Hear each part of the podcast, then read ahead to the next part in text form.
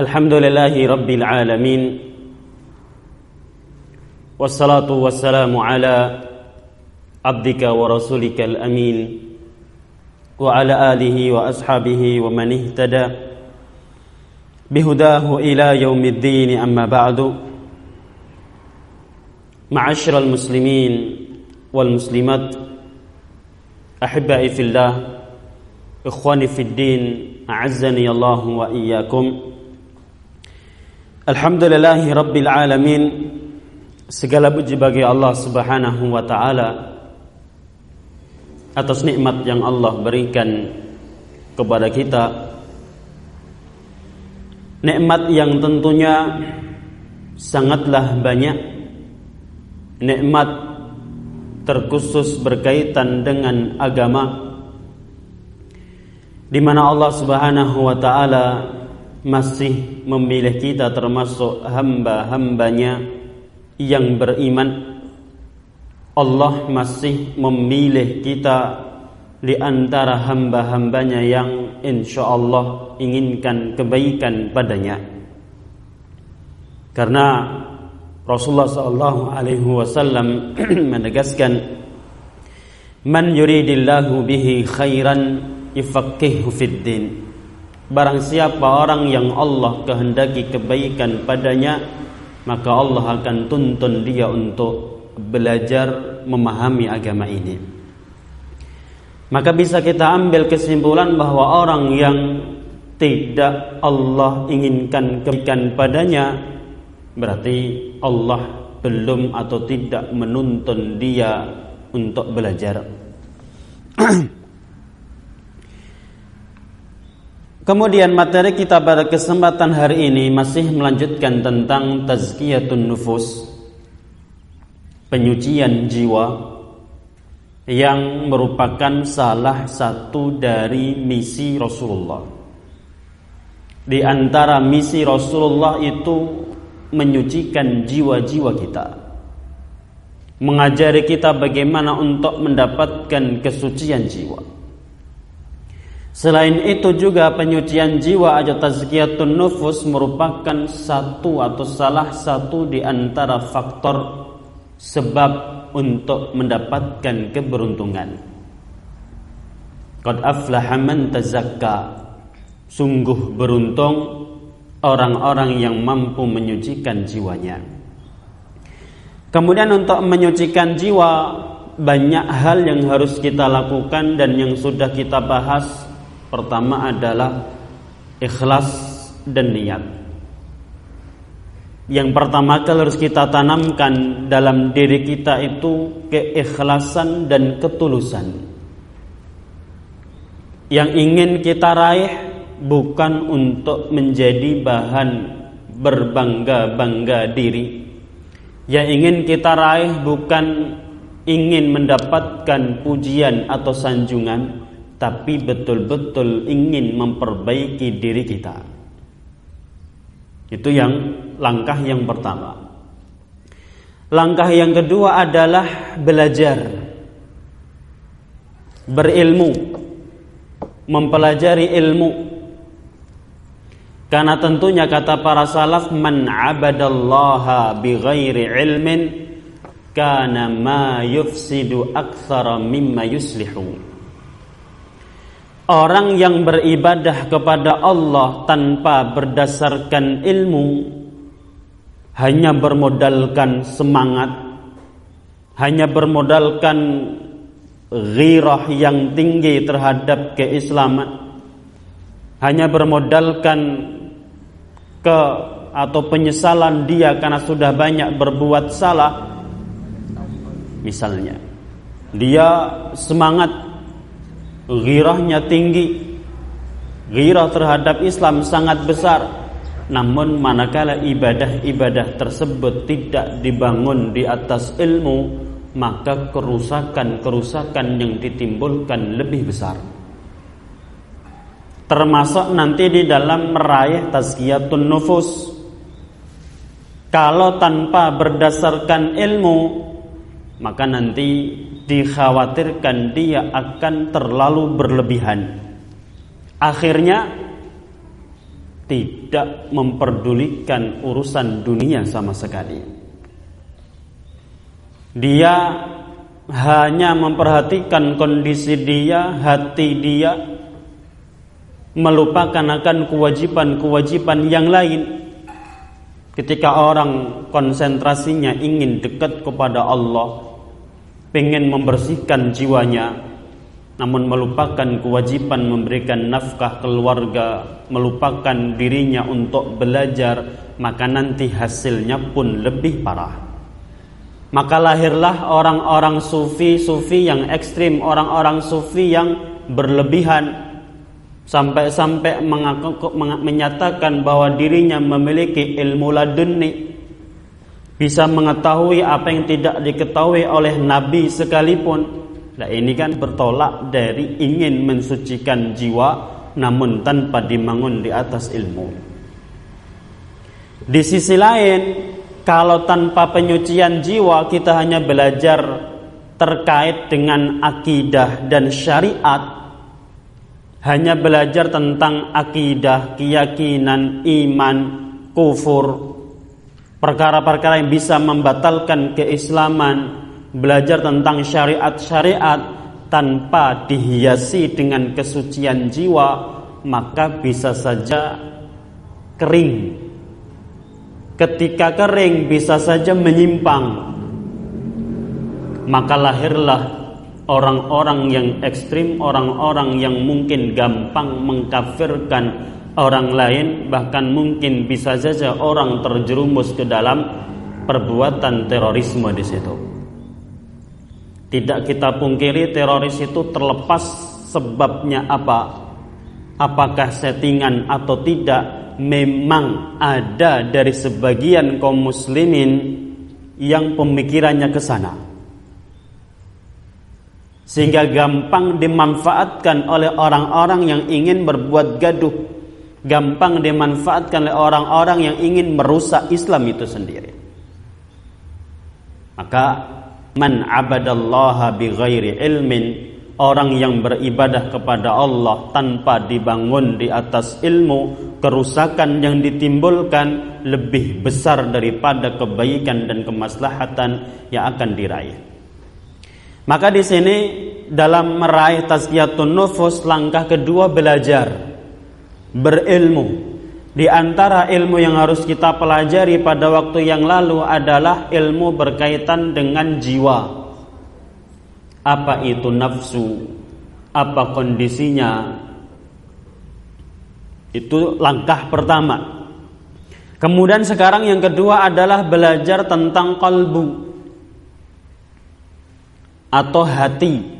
Bahasa terjemahan yang sering dipakai kalbu Qalbun diterjemahkan dengan hati. Kan gitu. Lah yang kita maksud dengan kalbu itu apa? Saya nukil perkataan Imam Al-Ghazali dalam kitabnya Ihya Ulumuddin dalam mendefinisikan arti daripada kalbu adalah latifatun rabbaniyatun ruhaniyatun laha bihadal qalbi al-jismani ta'alluqun itu belum mendefinisikan kolbu. Sesuatu yang halus latifah.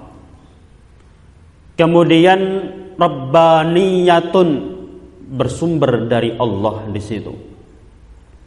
Dan ruhaniyatun bersifat kerohanian.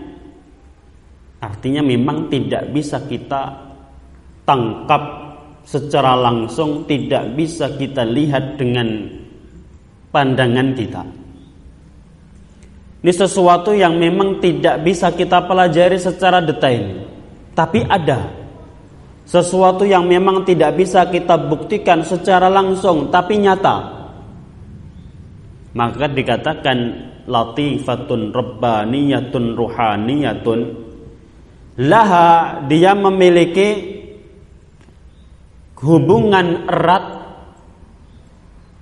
lihadal qalbi al jusmani dengan hati yang jasmani. Hati jasmani itu yang saya maksud adalah jantung. Di kolbun itu Mas dan Mbak yang saya hormati, hakikat kolbun itu jantung sebenarnya, fisiknya itu jantung. Jadi hati bukan hati yang di perut bukan, tapi yang di dada itu jantung. Itu kolbun bahasa Arabnya.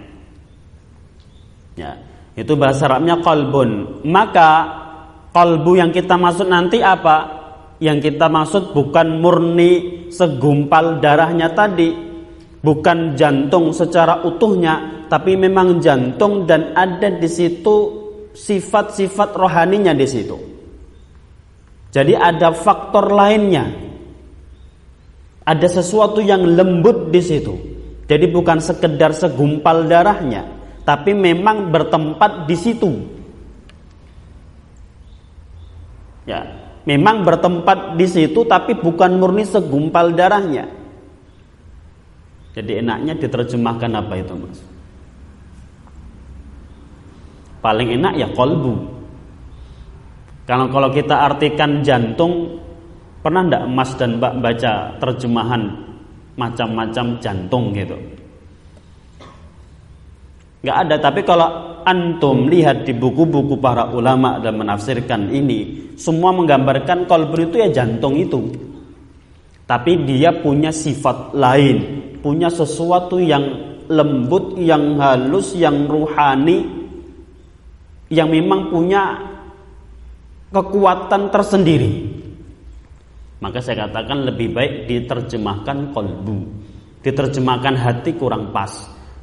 Namun nanti saya pun ikut-ikutan hati karena kebanyakan orang makainya hati. Tapi harapan saya antum sudah paham oh yang dimaksud dengan hati itu bukan hati yang untuk apa namanya di perut atau di lambung itu bukan hati yang kita maksud jantung itu Ikhwati fillah rahimani Allah wa itulah hakikat kalbu. Kemudian kalbu ini ikhwati fillah memiliki kedudukan yang sangat tinggi. Kalbu ini sangat penting. Ringkasnya, kalau ingin mengenal kedudukan kalbu, kalbu itu ibarat raja. Itu ringkasnya. Nanti kalau detailnya di situ saya sebutkan ada beberapa poin terkait dengan bukti pentingnya kalbu dengan berdasarkan dalil-dalil yang ada. Tapi kalau ringkasnya kedudukan kolbu itu seperti raja. Anggota tubuh kita selain kolbu itu berarti pasukannya, masyarakatnya, bawahannya. Dari mulai kepala kita, rambut kita, sampai ujung kaki kita nanti, tangan kita, semuanya. Lesan kita, itu semuanya adalah ibarat pasukan bagi sang raja yaitu kolbu. Maksudnya bagaimana? Maksudnya secara umum yang namanya pasukan bawahan itu kan taat dan tunduk kepada raja. Maka tangan kita ini tunduk kepada kolbu. Kaki kita ini tunduk kepada kalbu. Maka nanti tangan kita mau berbuat apa tergantung perintah kalbu. Apakah mengambil haknya sendiri atau hak orang lain, mengambil yang halal ataukah yang haram yang memutuskan kalbu. Yang memerintahkan kalbu. Kita mau melangkahkan kaki kita ke tempat-tempat yang Allah ridai atau Allah murkai yang menetapkan kalbu. Makanya sangat penting. Sehingga kata Imam Ibnul Qayyim, Al-qalbu kal maliki al-mutasarrifi lil junud kata beliau. Kalbu itu seperti raja yang sangat berkuasa, yang kuat, yang mampu menaklukkan dan menundukkan seluruh bawahannya dan pasukannya. Bukti nyatanya apa? Bukti nyatanya tadi coba antum perhatikan. Kita itu kan tahu insya Allah mana yang halal, mana yang haram. Ya Thomas. Insya Allah tahu. HP contohnya lah. Kita tahu mana yang bermanfaat, mana yang tidak bermanfaat. Ada yang suka main game? Atau banyak? Ya, alhamdulillah saya sudah sembuh sejak dulu ketika kuliah. Saya dulu juga juga main game. Namun uh, coba kita sadar, saya yakin semuanya tahu. Ada ini nggak bermanfaat, itu bermanfaat termasuk yang ditonton, yang dilihat. Video atau film yang kita lihat ini bagus, ini buruk, ini layak, ini tidak layak. Bisa Thomas? Tapi prakteknya kenyataannya. Apa kita mampu melakukan yang betul-betul halal dan boleh meninggalkan yang haram yang tidak bermanfaat? Realitanya tidak. Padahal kita sadar betul ini tidak bermanfaat. Sadar betul ini haram. Tapi kenapa masih dilakukan? Padahal antum tahu kita sadar ya tadi karena yang memutuskan untuk bertindak A, B, apa C qalbun. Maka jangan heran kalau banyak orang berpendidikan tinggi, profesor, doktor sekalipun wawasannya luas, ilmunya luas, tapi belum tentu dan bukan jaminan dia akan berbuat yang baik. Lihat para koruptor itu. Rata-rata ya insya Allah mereka kaya, berpendidikan tinggi. Kalau antum tanya mereka akan tahu ini boleh, tidak boleh pasti. Kan gitu. Tapi kenapa masih berbuat yang salah? Karena penentu itu kalbu, bukan akal pikiran, bukan kecerdasan seseorang. Penentu adalah kalbu, rajanya itu kalbu. Kita juga tahu ucapan ini pantas kita ucapkan. Ini perkataan yang nggak pantas, mencaci maki, perkataan kadang keluar nama-nama binatang itu nggak boleh. Yakin, insya Allah semuanya sadar dan tahu. Tapi realitanya, saat kita marah, saat kita diganggu, terkadang gampang keluar ucapan-ucapan yang tidak layak dari mulut kita. Kenapa itu? Wong kita tahu ini boleh, ini tidak boleh, ini baik, ini buruk. Karena kalbulah penentunya. Contoh lain, rokok misalnya. Mas rokok hukumnya apa mas? Boleh apa enggak? Ya sudah terlepas boleh tidaknya Bermanfaat apa tidaklah Hah? Berbahaya apa enggak? Kalau masalah hukum mungkin antum akan berdalih itu kan cuma makruh ini dan sebagai macam silahkan anak enggak bahas hukum. Tapi berbahaya enggak? Apa ada dokter satupun yang mengatakan itu bermanfaat? Ada tidak mas? Gak ada ikhtilaf di situ. Tapi realita, realitanya banyak di antara kita yang masih mencoba mencoba untuk ke situ. Kenapa? Kalbu penentunya. Jadi bukan wawasan, bukan kecerdasan, bukan keilmuan kita, namun raja yang menetapkan apa yang dilakukan A, B, apa C itu kalbu. Sehingga itulah ringkasan betapa pentingnya kalbu. Sehingga nanti kalau pengen menyucikan jiwa mau tidak mau kalbu pun, kalbun pun menjadi objek yang harus kita didik. Yang harus kita sucikan, kita bersihkan. Adapun secara detail pentingnya dan kedudukan kalbu yang pertama kalbu adalah tempat pengetahuan yang kuat dan iman yang kokoh. Jadi wadahnya ilmu, tempatnya iman itu sebenarnya kalbu. bukan akal.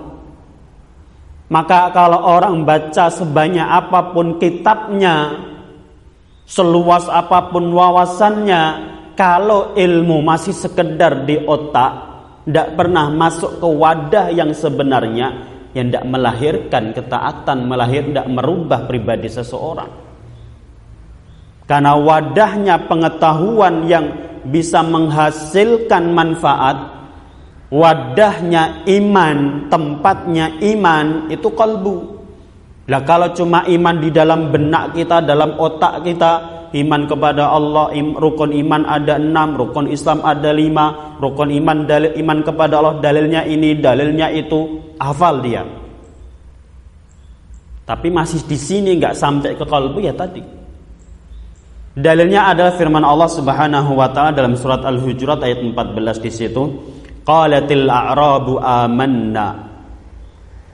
Orang-orang Arab Badui mengatakan kami telah beriman. Qul katakanlah Muhammad kepada orang-orang Arab Badui tadi, lam tu'minu kalian belum beriman. Walakin qulu katakanlah kami telah masuk Islam dan iman belum masuk ke dalam kalbu kalian.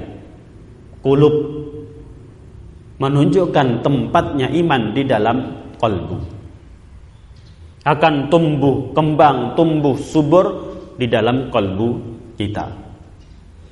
Orang Arab Badui kami beriman. Dibantah belum kamu belum beriman baru Islam. Faedah lain dari ayat ini ada perbedaan antara iman dan Islam.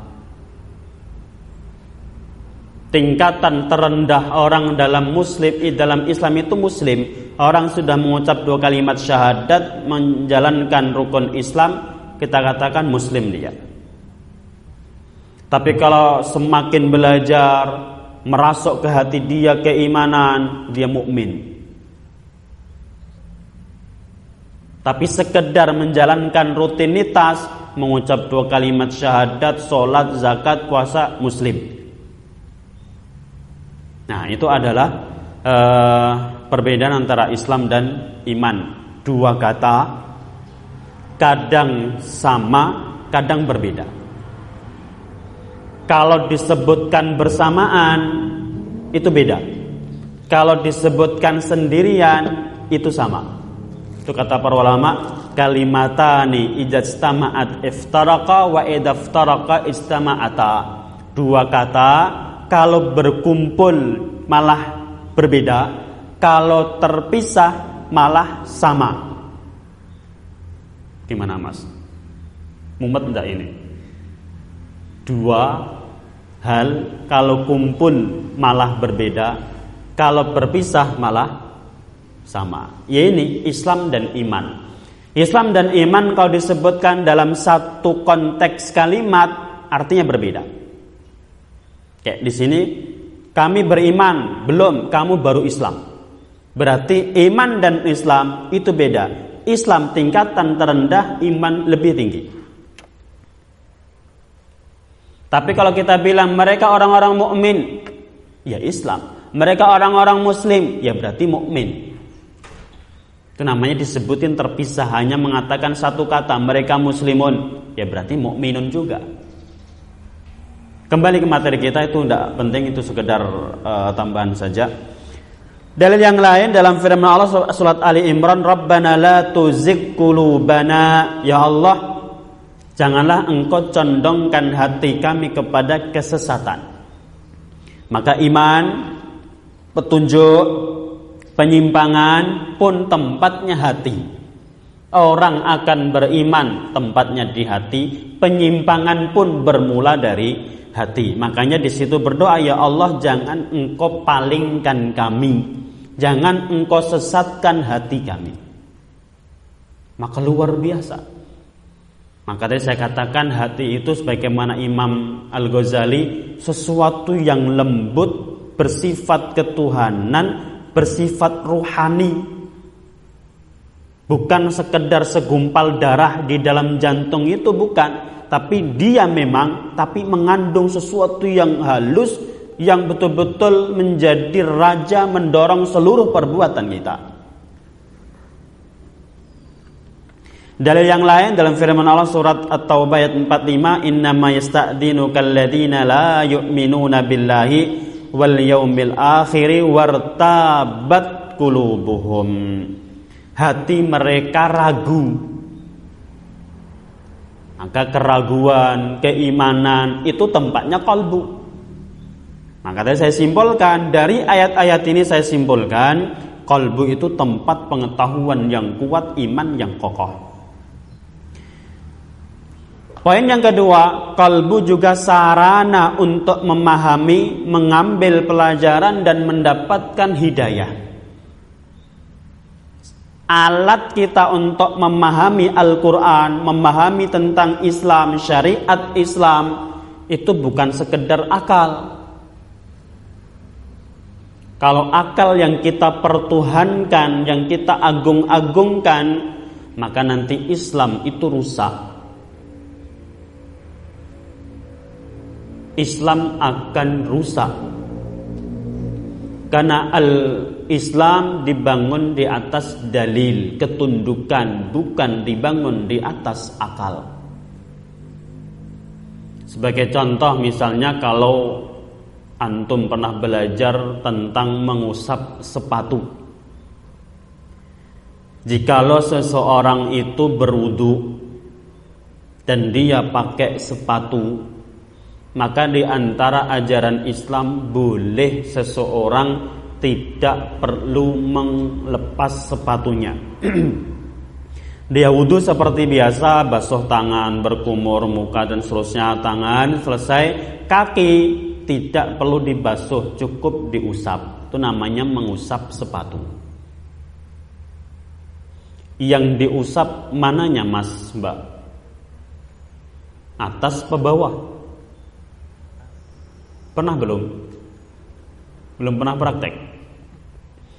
Itu bisa diamalkan misalnya pas cuaca dingin atau mungkin sedang sakit atau mungkin di gunung atau mbak-mbak yang di luar tidak ingin kelihatan auratnya pas pakai sepatu sepatunya nggak perlu dilepas boleh silahkan untuk diusap yang diusap mana yang diusap bagian atas Padahal yang kotor mana?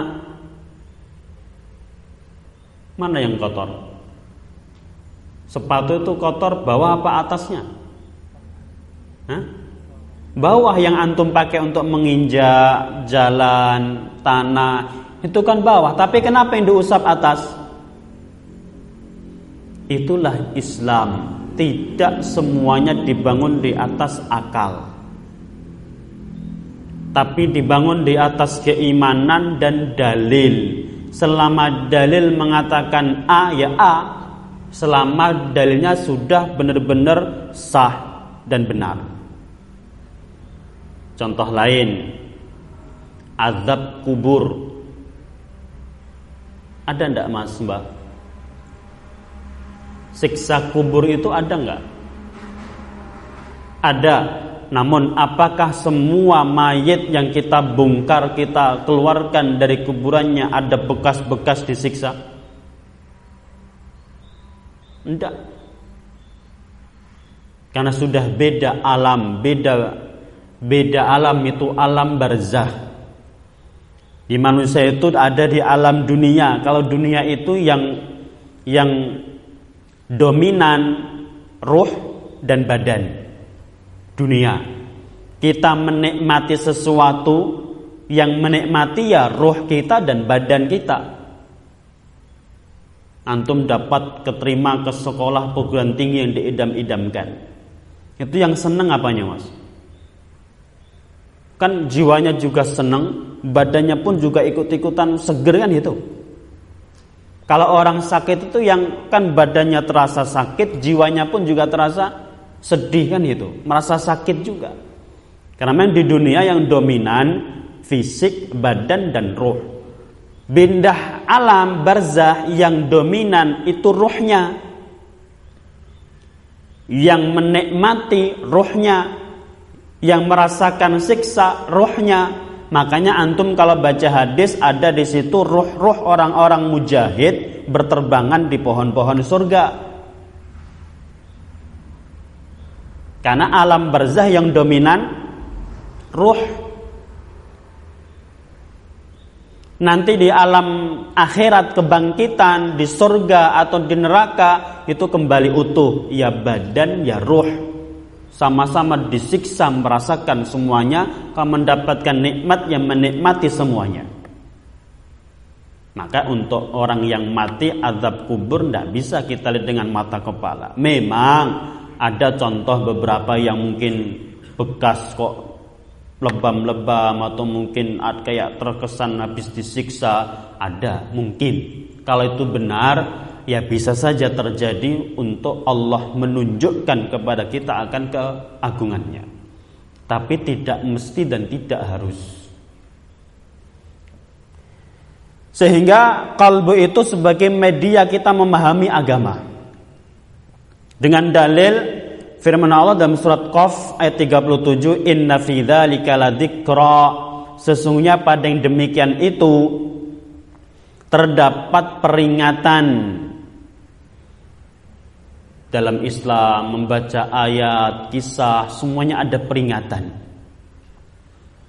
Ada nasihat, ada hikmah, ada pelajaran yang bisa dipetik. Siapa yang bisa memetik pelajaran tadi? Kata Allah, limang kana lahu qalbun bagi orang-orang yang mempunyai hati. Mempunyai kalbu, Nah kalau kalbunya ndak punya, ndak punya hati, ndak punya kalbu yang sehat, ya ndak mungkin dia memahami ajaran ini. Mau diterangkan ini mas haram, ini nggak boleh, ini dosa. Ini menyebabkan kemurkaan Allah yang nggak bergeming. Wong hatinya tertutup, ndak bisa memahami. Mau diingatkan kayak apa pun, Mungkin antum punya teman yang sudah bebel seperti itu atau mungkin punya sebagian keluarga yang seperti itu. Diingatkan dengan lembut tidak tersentuh, dengan keras pun juga tidak bergeming. Ya hati-hati, kemungkinan kolbunya tertutup di situ. Maka solusinya nanti kalau menasihati orang yang seperti itu ambil hatinya dulu. Antum terangkan berbagai macam syariat terangkan halal haram yang nggak nyambung. Wong hatinya sudah tertutup, maka ambil hatinya, perbaiki hatinya, bersihkan hatinya, sehingga dia nanti bisa menerima nasihat kita. Dalil yang lain dalam firman Allah surat Muhammad ayat 37 afala yatadabbarunal Qur'an apakah mereka tidak bisa menghayati Al-Quran? Ataukah hati mereka sudah tertutup kulub? Kembali lihat di situ. Saya nggak akan menerjemahkan uh, detail. Silahkan nanti bisa dipelajari sendiri. Saya cuma ingin menjelaskan kata kuncinya. Karena pelajaran kita bukan tafsir. Ya kajian kita materinya tazkiyatun nufus maka saya terangkan kata kuncinya saja. Lah kata kunci di sini ala qulubin akfaluha. Hati mereka itu ada kuflun. Kuflun itu kunci. Oh, berarti kalau kolbun terkunci tidak akan bisa mentadabburi Al-Qur'an. Kalau tidak bisa mentadabburi Al-Qur'an, ya mana mungkin bisa mengamalkan kandungan Al-Qur'an di situ. Maka kalau hati kita mendengarkan ayat-ayat Al-Quran kok tidak bergetar sedikit pun Berarti perlu dicurigai. Jangan-jangan hati kita sudah keras di situ. Kemudian juga uh, Itu masih banyak hadisnya intinya sama. Kalla bal rana ala kulubihim Hati mereka ada kotorannya tertutup. Kemudian dalam Al-An'am di situ bukan dengan kata kolbun tapi dengan kata dada. Barang siapa yang Allah kehendaki mendapatkan hidayah, Allah bukakan dadanya. Maksudnya dada yang ada hatinya di situ. Jadi sering kali Allah kadang menyebutkan kolbun langsung, kadang menyebutkan tempatnya yaitu dada. Maka di sini kembali mempertegas bahwa kolbun itu ya jantung yang ada di dada. Makanya antum coba kalau tidak terbiasa dengan musik-musik rock keras itu lewat speaker gede itu kira-kira bergetar mana mas? Dek itu yang pertama kali yang terasa? Mbak, Mas? Atau sudah kebal? Orang yang nggak suka musik-musik seperti itu, kalau dengar mak sampai mak dek itu kira-kira yang langsung merasa kayak tersayat kayak sakit sesak itu mananya? Dada atau mas mbak? Atau enggak ini? Kalau sudah lama-lama terus, ya sudah kebal dia, udah mati itu. Ya kan? Orang-orang yang nunggu tape dan sebagainya itu kan Masya Allah suaranya keras-keras biasa saja Tapi kalau kita yang jarang Tahu tuh denger itu kan langsung terasa dek, sakit dada kita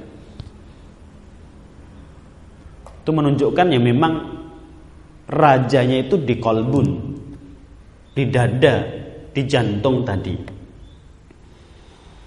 Kemudian juga yang ketiga kalbu tempat perasaan dan emosional yang berbeda-beda. Allah berfirman dalam surat Al-Hadid ayat 27, "Wa ja'alna fi qulubil ladzina tabauhu ra'fatan."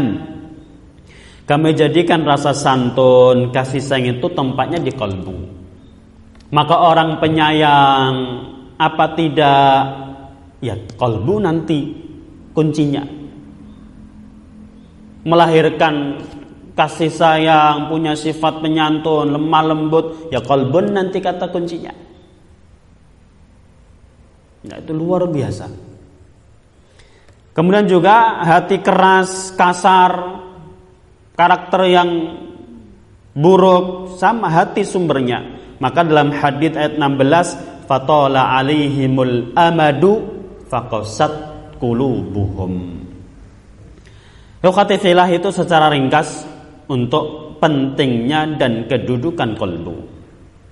Tapi kalau globalnya tadi rob kolbu sebagai raja selesai. Pengen detail itu tiga poin yang saya ringkas dari buku eh, Ahmad Farid dalam kitabnya Manhaju Syekhul Islam fi Tazkiyatin Nufus. Nanti silahkan yang bisa bahasa bisa merujuk ke kitab aslinya tipis sok mas paling cuma 250 halaman. Itu ya. Kemudian setelah kita mengenal pentingnya kalbu, berikutnya yang harus kita pelajari juga ternyata kalbu itu ada bermacam-macam. Sama kalbu bermacam-macam itu keadaannya. Bukan berarti kita punya tiga kalbu. Sebagaimana kemarin kita belajar nafsun.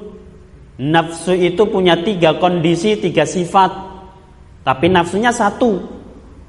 Demikian juga kolbun. Kolbunnya satu, tapi sifatnya dan kondisinya ada tiga. Yang pertama adalah kolbun salim atau kolbun yang sehat. Apa artinya? Artinya kolbun yang selamat dari syahwat maupun syubhat. Yang tidak dikuasai oleh syahwat syahwat itu banyak syahwat itu segala macam keinginan bisa syahwat berkaitan dengan syahwatnya setan. Apa syahwatnya setan? Membangkang. Tidak mau taat.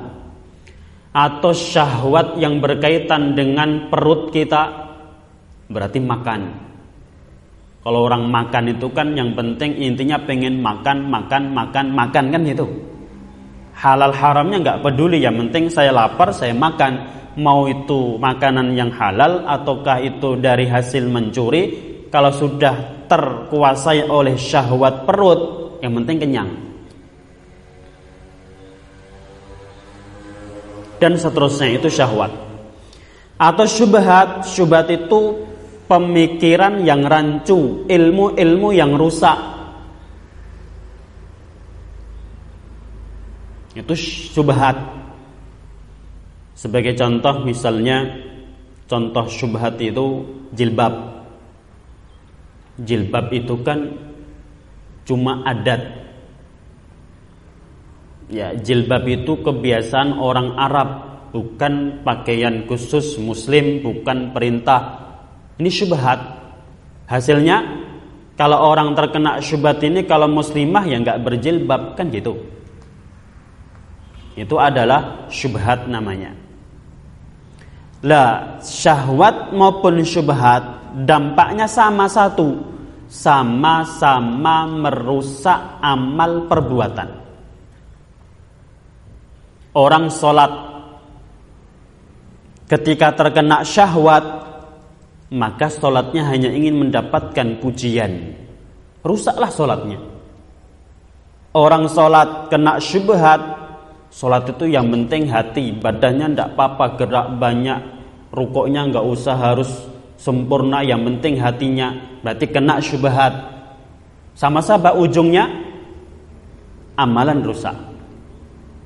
Maka di situ saya sebutkan di antara ciri-ciri kalbun yang salim senantiasa memikirkan akhirat dan menganggap dunia itu sekedar tempat singgah. Di pikiran dia, hati dia itu suka mikirkan akhirat, akhirat. Dia itu sekedar menempuh perjalanan yang sangat jauh.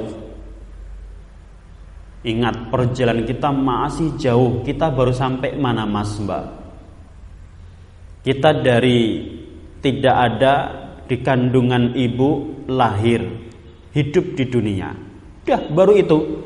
Nanti masih ada alam barzah, nanti ada kebangkitan, nanti kumpul di padang mahsyar, menerima amal buku catatan kita, hingga nanti terakhir menyeberangi sirat, baru surga atau neraka. Lihat masih banyak itu. Lihat kita baru dua kandungan lahir selesai atau satu dunia masih banyak tahapan-tahapan kehidupan kita yang belum kita lalui. Maka orientasi utama kolbun salim itu akhirat.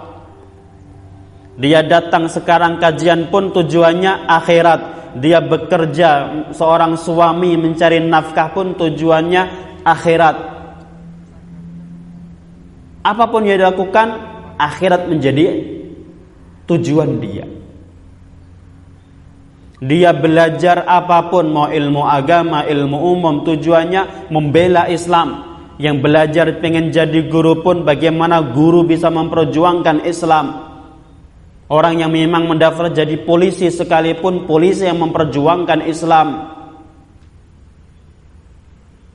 Orang menjadi sukses, pedagang yang sukses, pengusaha yang sukses pun pengen membangkitkan Islam, harta bisa dinafkahkan untuk membangun tempat-tempat pendidikan di situ. Yang kedua cirinya senantiasa mengingatkan pemiliknya. Jadi hati itu kalau tandanya sehat terus mengingatkan kita kita mau makan yang haram, eh itu nggak boleh. Seolah-olah ada pembisik di situ. Antum ke warnet nonton video yang nggak jelas langsung, oh itu nggak boleh. Itu ciri kolbun yang salim. Karena namanya nafsu kita pasti kan punya keinginan. Kadang ingin ini, ingin itu. Wajarlah pengen mencoba ini, mencoba itu. Kadang sesuatu yang haram. Kalau hati kita sehat, salim Akan diingatkan, hei hati-hati itu nggak boleh. Hei itu haram. Kemudian ciri yang ketiga Merasa sakit dan sedih saat ketinggalan ibadah bahkan sakit hatinya dia melebihi daripada kehilangan harta. Coba mas kalau antum sedang kuliah di tanggal tua kirimannya habis nggak punya uang SPP nunggak kontrakan belum dibayar tinggal punya uang 100 ribu hilang lagi gimana rasanya? Atau nggak pernah merasakan? Ini pada kuliah atau SMA atau apa ini? Saya dulu merasakan kuliah di Jakarta belum tahu kondisi Jakarta ternyata biaya hidup mahal Orang tua sudah tidak pernah mengirimi uang di situ. Belum terkejar kontrakan. Alhamdulillah kuliahnya ter gratis kan itu. Kuliahnya gratis. Tinggal mikirin biaya hidup. Itu kan rasanya Masya Allah tinggal ini lembar terakhir di eman-eman di awet-awet dijaga-jaga. Ya ternyata hilang. Itu kan rasanya Masya Allah. Itu mas. Rasanya apa ya? Nggak bisa diungkapkan. Maka ciri hati yang sehat kalau kita terlambat tidak sholat ada rasa sakit di hati itu kayak kecewa menyesal sakit sesak Subuh bangun kesiangan meskipun tidak sengaja ada rasa di situ masya Allah getun. Oh getun mas ya? Ada rasa kayak nyesek, nah, itu ciri-ciri hati yang sehat atau salim. Ya silahkan nanti antum bikin ini tabel di checklist. Oh ada dicentang, nggak ada disilang. Kira-kira banyak yang dicentang apa yang disilang? Antum yang tahu. Itu PR kita. Nanti bisa dibikin tabel. Oh ini ada, ini nggak ada. Silahkan. Oh berarti kondisi seperti ini. Ciri berikutnya adalah rindu terhadap ibadah sebagaimana rindunya seseorang terhadap makanan saat lapar. Kita bayangkan pas puasa itu kalau pas sudah lapar, masya Allah itu kan ingatnya makan. Kita pun sama, habis duhur baru selesai, masya Allah kapan asar datang. Asar selesai, masya Allah kapan maghribnya datang. Itu namanya rindu terhadap ibadah. Kemudian senantiasa ingin melakukan ketaatan kepada Allah, bahkan terhadap waktu dan seterusnya banyak silakan dibaca sendiri. Intinya kalau itu juga contoh lain seperti saat sholat dia senang pelong, kesedihan pun hilang, kegundahan hilang, tidak bosan berzikir kepada Allah. Kayak antum itu kalau punya hati ke orang lain, itu mas punya rasa ke lawan jenis itu kan dapat SMS di scroll naik turun dibaca ulang-ulang. Ya enggak ada nggak seperti itu? Jangan ya mas ya. Saya cuma memba, meng, mengajak antum berkhayal tapi jangan dilakukan. Kalau orang itu punya hati ke orang lain Kadang SMS dibaca ulang, dibaca ulang, tarik lagi, scroll atas lagi, bawah lagi. Enggak bosan, baca cuma itu-itu saja yang dibaca. Iya enggak? Atau enggak zamannya sekarang? Maka kita pun sama, berzikir itu mengingat Allah, mengingat kekasih kita yang hakiki yaitu Allah. Kalau sampai bosan, ya perlu dicurigai hati kita. Lah hati ini mas kalau kita punya hati jenis ini Masya Allah manfaatnya dalam surat Ash-Shu'ara 8889 Yaumala yang malu wala banun Ingatlah pada hari ketika harta dan anak tidak bermanfaat Harta yang kita sekarang sedang cari Tidak bermanfaat. Anak-anak yang kita banggakan Saya yakin semua dari kita mikirin harta kan itu. Kalau punya anak nanti antum berkeluarga Masya Allah anak itu nomor satu yang tadinya ketika menikah suami istri saling mencinta katakanlah sehidup semati. Awal-awal nikah kan gitu punya anak coba yang dibangga-banggakan dicerita-ceritakan siapa anaknya lihat tuh bapak-bapak emak-emak kalau berbicara yang dibangga-banggakan siapanya ini ada punya anak belum maka saat lihat bapak-bapak, emak-emak kalau ngobrol dibangga-banggakan siapanya? Anaknya.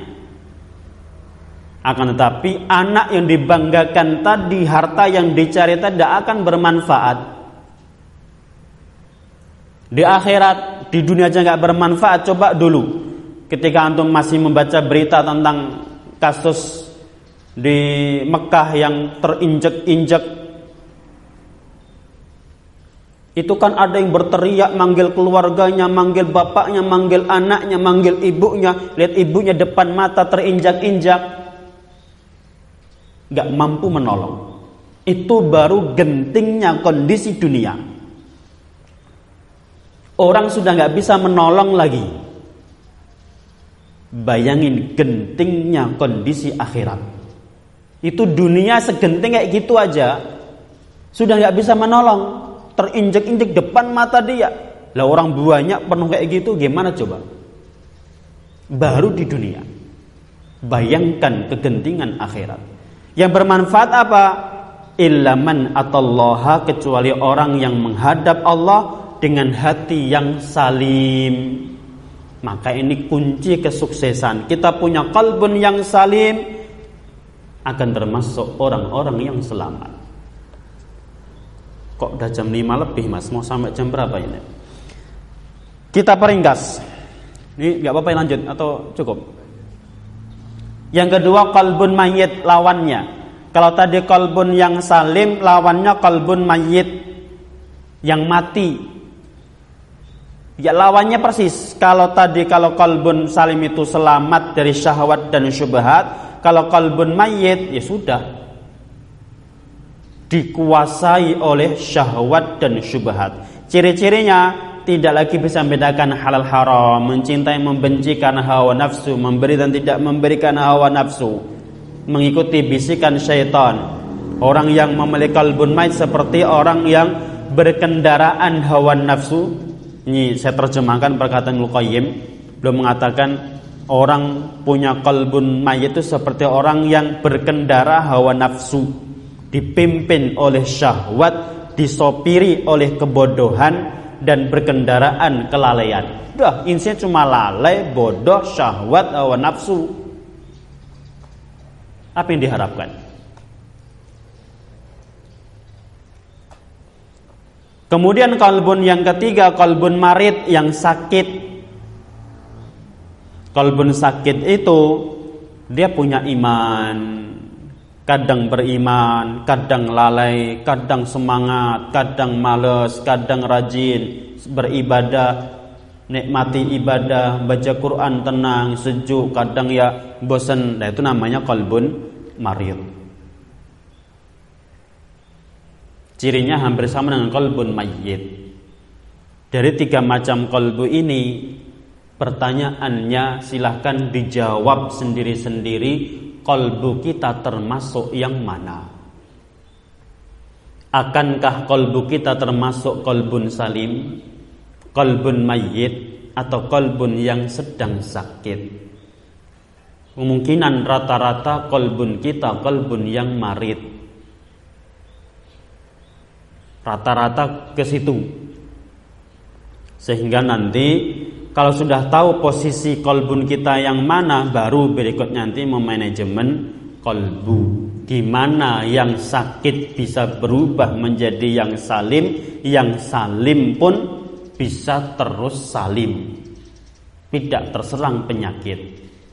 Karena bahaya sakitnya kolbu bukan sakit hati mas ya Ingat, saya bilang sakitnya kolbu bukan sakit hati antum dikhianati. Sakitnya kolbu itu sangat berbahaya. Kenapa berbahaya? Karena sering kali orang sakit kolbunya namun tidak merasa terus dibiarkan hingga sampai mati. Adapun sakit pada badan coba antum baru kehujanan masuk angin sedikit merasakan kadang langsung makan bakso pedes kan itu atau minum obat apa atau minimalnya istirahat. Kita terasa sakit dalam badan kita langsung kita tangani. Kita buru-buru mencari obat. Coba kalau yang sakit kalbunya jarang yang menyadari. Maka kalbun yang sakit itu bahaya. Karena banyak orang yang tidak menyadari kalbunnya sakit Kemudian di situ saya sebutkan hadis yang panjang yang pada intinya kondisi kolbun itu pasti akan datang kepadanya fitnah. Seperti anyaman tikar. Tahu tikar mas? Menganyam tikar itu gimana? Dikit satu helai satu helai lambat lambat lambat laun lama-lama jadi besar. Sama fitnah itu datangnya dikit, dikit, dikit, dikit. Kalau kita terima datang satu fitnah masuk biarin ditutik noda hitam. Datang lagi noda hitam terus sampai penuh. Kalau sudah penuh ya sudah.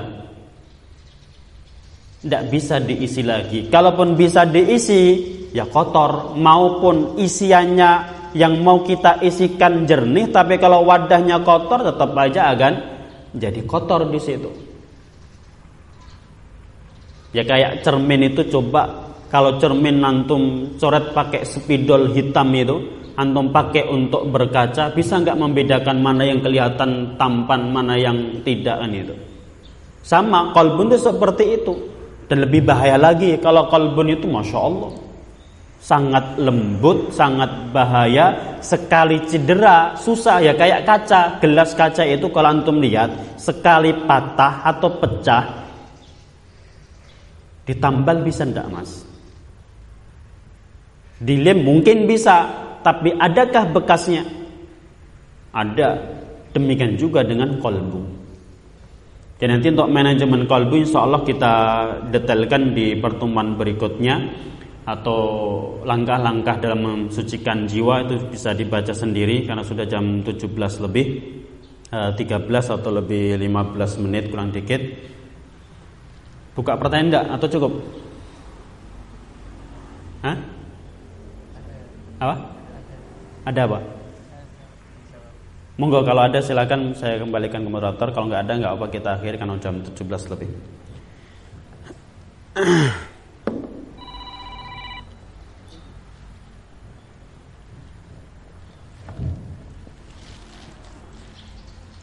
de la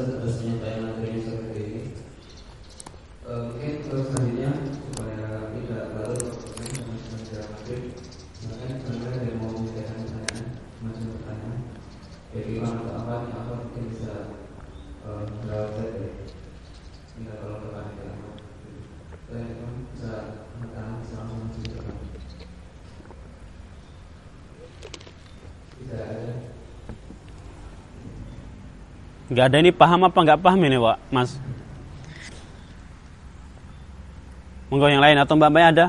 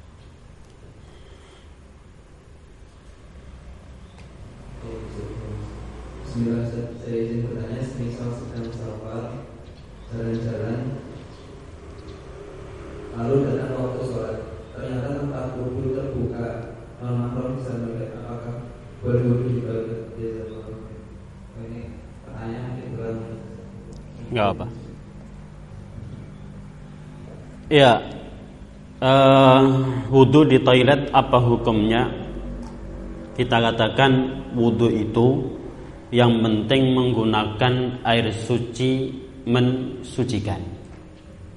Wudhu itu syarat utama agar sah menggunakan air yang tohur. Tohur itu suci fi nafsihi wa mutahhirun li ghairihi. Terlepas tempatnya di mana. Mau di tempat wudhu silahkan, di kamar mandi silahkan, ataupun di toilet sekalipun silahkan boleh selama tentunya aman dari najis. Tapi kalau ditanya afdol mana, ya tentunya kalau di tempat yang e, bisa tertutup dan bukan toilet maka lebih bagus. Nah, namanya toilet itu kan apalagi toilet umum ya rentan sekali di situ kotor dan banyak najis. Tapi kalau ditanya sah tidak sah, boleh tidak boleh. Afdol yang mana? Afdol di bukan tempat toilet. Kalau ditanya afdol tidaknya. Wallahu taala alam bisawab.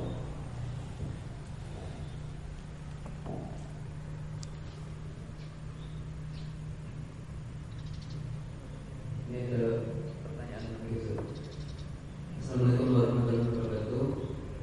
Salam. Bertambahnya usia, pastikan kita semua makin sering pula dihadapkan pada banyak kondisi yang berbeda-beda. Seringkali kita stuck dan bingung untuk memilih solusi yang mana. Bagaimana cara kita memilih di mana letak kebenaran? Takutnya kalau kita bukan mengikuti kebenaran malah ikut pembenaran. Tambah usia tambah apa? Seiring tambah usia, tam, pasti tambah juga dihadapkan berbagai kondisi yang berbeda. Ya. Ya intinya bagaimana mengambil solusi atau menyikapi problematika yang kita hadapi. Terlepas apa problematika, memang semakin tambah usia akan semakin tambah cobaan, ujian, masalah pun semakin besar dan banyak. Kewajiban dan amanah pun semakin banyak. Maka kita pun tertuntut untuk bisa mengambil sikap. Bagaimana caranya? Ya tentunya cara yang pertama kali adalah doa kepada Allah agar diberikan hidayah untuk bisa memilih yang terbaik. Langkah yang kedua, pelajari baik-baik permasalahan yang ada, pelajari hakikat masalah yang dihadapi. Ini masalah duniawi belaka atau masalah berkaitan dengan agama. Kalau masalah dunia, maka tentunya solusi lebih ringan. Karena tidak berkaitan dengan agama, misalnya mau buka usaha, mau buka bakso apa warung he, itu kan dunia belaka. Setelah berdoa bismillah, cari peluang yang besar apa di situ. Kalau berkaitan dengan agama, maka lihat ini ada kaitannya dengan halal, haram, apa tidak, wajib, apa sunnah di situ. Setelah tahu, lihat maslahat yang terbesar mana. Karena pertama kalau katakanlah ini halal, boleh. Lihat berikutnya, meskipun boleh, kira-kira maslahatnya lebih besar apa tidak? Karena belum tentu yang boleh itu baik buat kita. Saya ulangi, sesuatu yang boleh belum tentu pas dan tepat atau baik buat kita. Maka langkah awal bedakan ini halal apa haram, boleh apa tidak. Kalau haram tinggalkan. Kalau boleh lihat lagi, ini bagus bagi saya apa tidak. Manfaat bagi saya dan orang lain apa tidak di situ. Setelah selesai tawakal kepada Allah Subhanahu wa taala. Kalau belum terbesit solusinya, maka tidak mengapa minta solusi atau mencari bantuan ke orang lain, konsultasi kalau memang perkaranya besar dan kita belum dibukakan solusi atas masalah tersebut. Wallahu taala a'lam bisawab.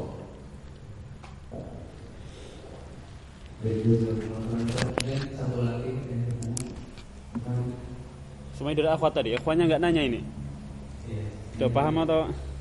mungkin kalau ada saya mau bertanya mungkin seperti yang dijelaskan di materi tadi kita rata-rata dari kami mungkin bagi yang masih muda itu mungkin kebanyakan keluarganya masih mari atau sakit sehingga kita masih sering kali uh, memperturuti hawa nafsu atau syahwat uh, mungkin banyak di antara kami itu punya suatu problem itu apa kecanduan terhadap suatu itu Kecanduan apa? yang tidak baik mungkin kalau yang kami mungkin ya salah satunya mungkin ada yang merokok ya tapi anak nggak merokok.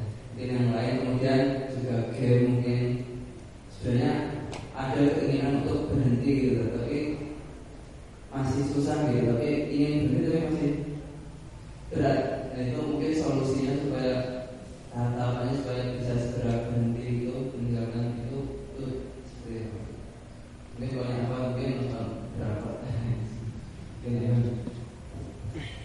Ya, nanti insya Allah itu kan target kita utama nanti tazkiyatun nufus ke situ. Maka sekarang kita baru langkah satu ikhlas, langkah kedua mengenal apa itu nafsu dan kondisi-kondisinya. mengenal apa itu kolbun dan macam-macamnya.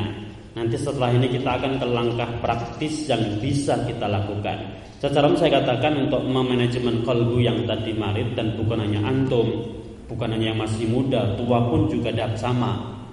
Jadi yang kolbun marit itu bukan hanya kita, tapi rata-rata manusia seperti itu. Maka caranya secara global yang pertama tinggalkan racun hati.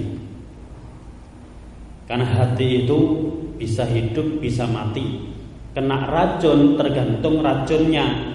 Kalau racunnya mematikan sekali kena ya mati. Kalau racunnya nggak mematikan ya minimalnya sakit. Sakit nggak diobati lama-lama mati kan itu. Maka langkah pertama tinggalkan racun hati. Apa itu racun hati? racun hati itu seluruh jenis kemaksiatan adalah racun hati. Setelah itu baru diisi dengan ketaatan, kebaikan. Itu secara global. Namun insya Allah nanti detailnya kita bahas di pertemuan-pertemuan berikutnya. Wallahu taala alam